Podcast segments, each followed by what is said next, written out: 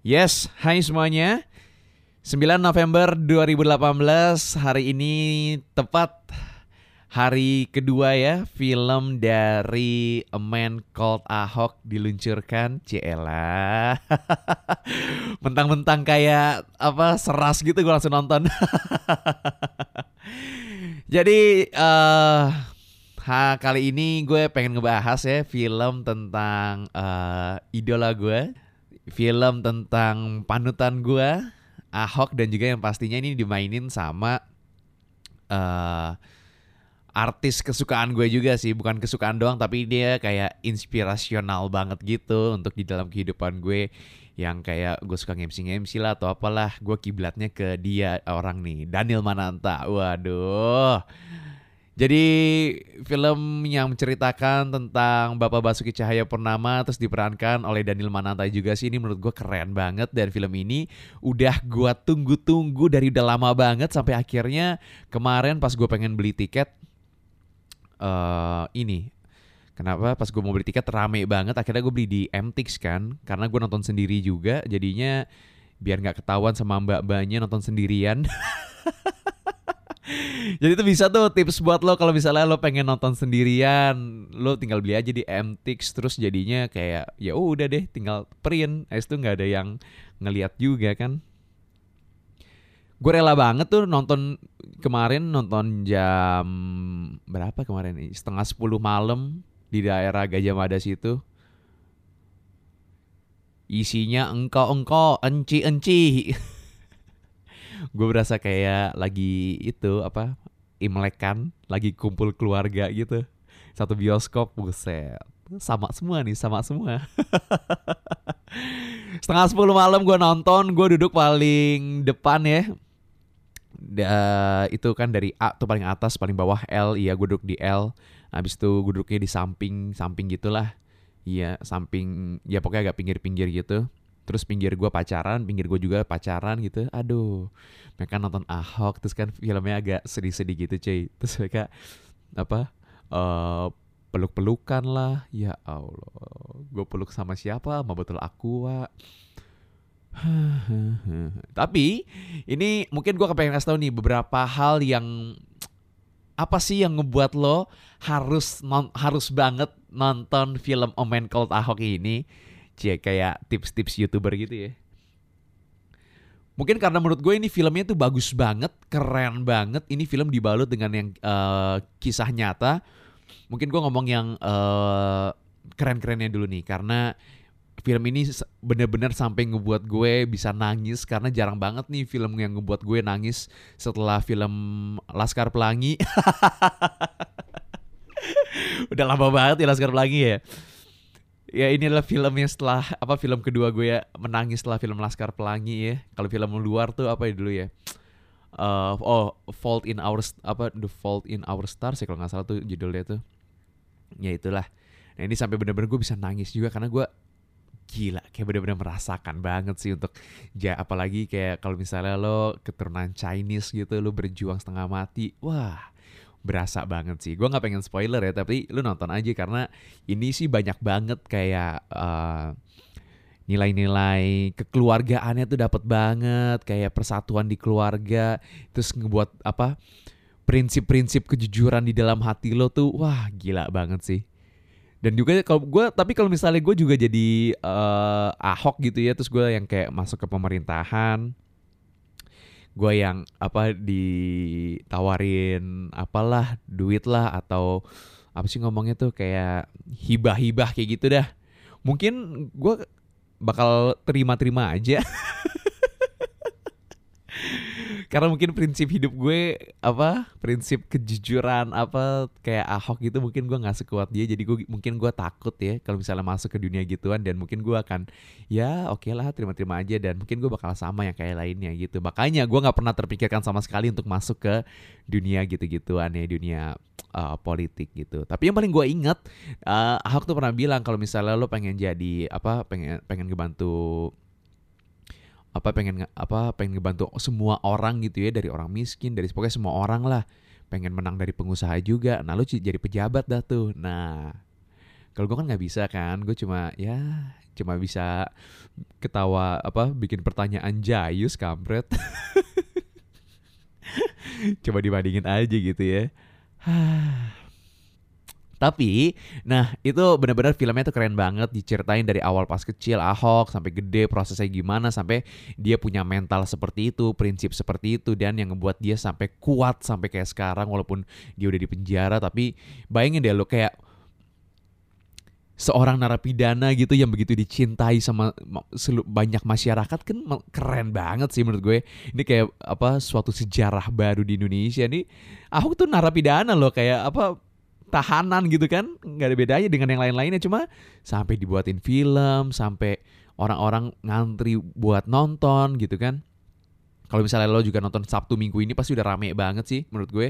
Udah full house banget. Jadi mendingan lo coba cek-cek di online kalau misalnya mau uh, nontonnya. Karena takutnya nyesel gitu lo udah nyampe sana eh rame banget untuk nonton Ahok gitu.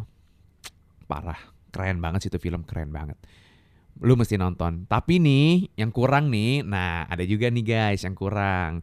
Uh, mungkin film ini agak sedikit tidak sempurna, buk, uh, nggak tahu ya, bukan tidak sempurna sih, cuma agak sedikit tercederai gitu, cederai. Bentar ya, gue cari. Nah, nih kalau misalnya lo udah ngeliat postingan Instagram uh, adiknya Pak Ahok namanya Ci Vivi Leti. Nah, di postingan Instagramnya ini lo bisa lihat deh di situ ada postingan terakhirnya. Katanya di sini uh, tampak bapaknya, uh, papanya Ahok itu nggak sesuai, agak kurang sesuai nih dengan yang di film. Nah lo itu captionnya panjang banget sih, jadi kayak lo bisa baca sendiri ya. Mungkin gua agak bacain dikit. Buat yang kangen dan mau tahu kebenaran, nontonlah YouTube ini dan bacalah buku A Man Called Ahok karena waktu bikin buku dan YouTube ini masih jujur research dan buat cerita yang benar-benar berdasarkan bukti yang ada, makanya kita approve. Tapi ternyata setelah film jadi, saya nggak tega nontonnya masa kecil kami dan papa mama kami jadi beda, bahkan sopir kami pun beda. Bukankah true story harusnya sama dengan cerita aslinya dengan orang-orang yang diceritakan sebaik mungkin sesuai dengan karakter yang ada? Film-film bagus yang hasil karya baik sampai baju pun disamakan dengan zaman dan tokoh tersebut. Orang yang memerankan tokoh yang diperankan paling tidak pernah ketemu ya kalau masih hidup orangnya. Kalau ada meninggal paling tidak foto-fotonya kan ya. Research gitu kali ya. Panjang juga nih. Dah, pokoknya nanti lu baca dah di situ. Nah, pokoknya intinya nih kayak sebenarnya agak banyak uh, yang uh, kurang cocok dengan karakter yang dimainkan di film itu. Dan juga uh, Vivi untuk pengen dia katanya udah pernah diketemuin sama tim dari production house-nya gitu. Tapi pasti Vivi apa si Vivi-nya uh, nggak agak nggak setuju gitu eh ternyata udah mulai syuting. Nah gitu tuh, katanya sih gitu diceritainnya di Instagramnya Civivi tuh kayak gitu. Lo bisa baca sendiri dah di Instagramnya Civivi ini. Nah Civivi ini uh, backgroundnya pengacara cuy yang kemarin suka nemenin Ahok, yang yang ya, pasti lo pernah lah liat TV lah. Jadi kayak mungkin ya kemungkinan besar ceritanya benar juga gitu, ya guys. Dan juga katanya banyak apa sebenarnya cerita-cerita yang agak nggak real udah di cut di film-filmnya. Jadi di film ini bener-bener yang udah realnya gitu. Jadi mendingan langsung aja nonton ya, jangan sampai ketinggalan, jangan sampai lo nanti akhirnya nyesel lo nggak nonton ini. Karena ini menurut gue sih sejarah sih.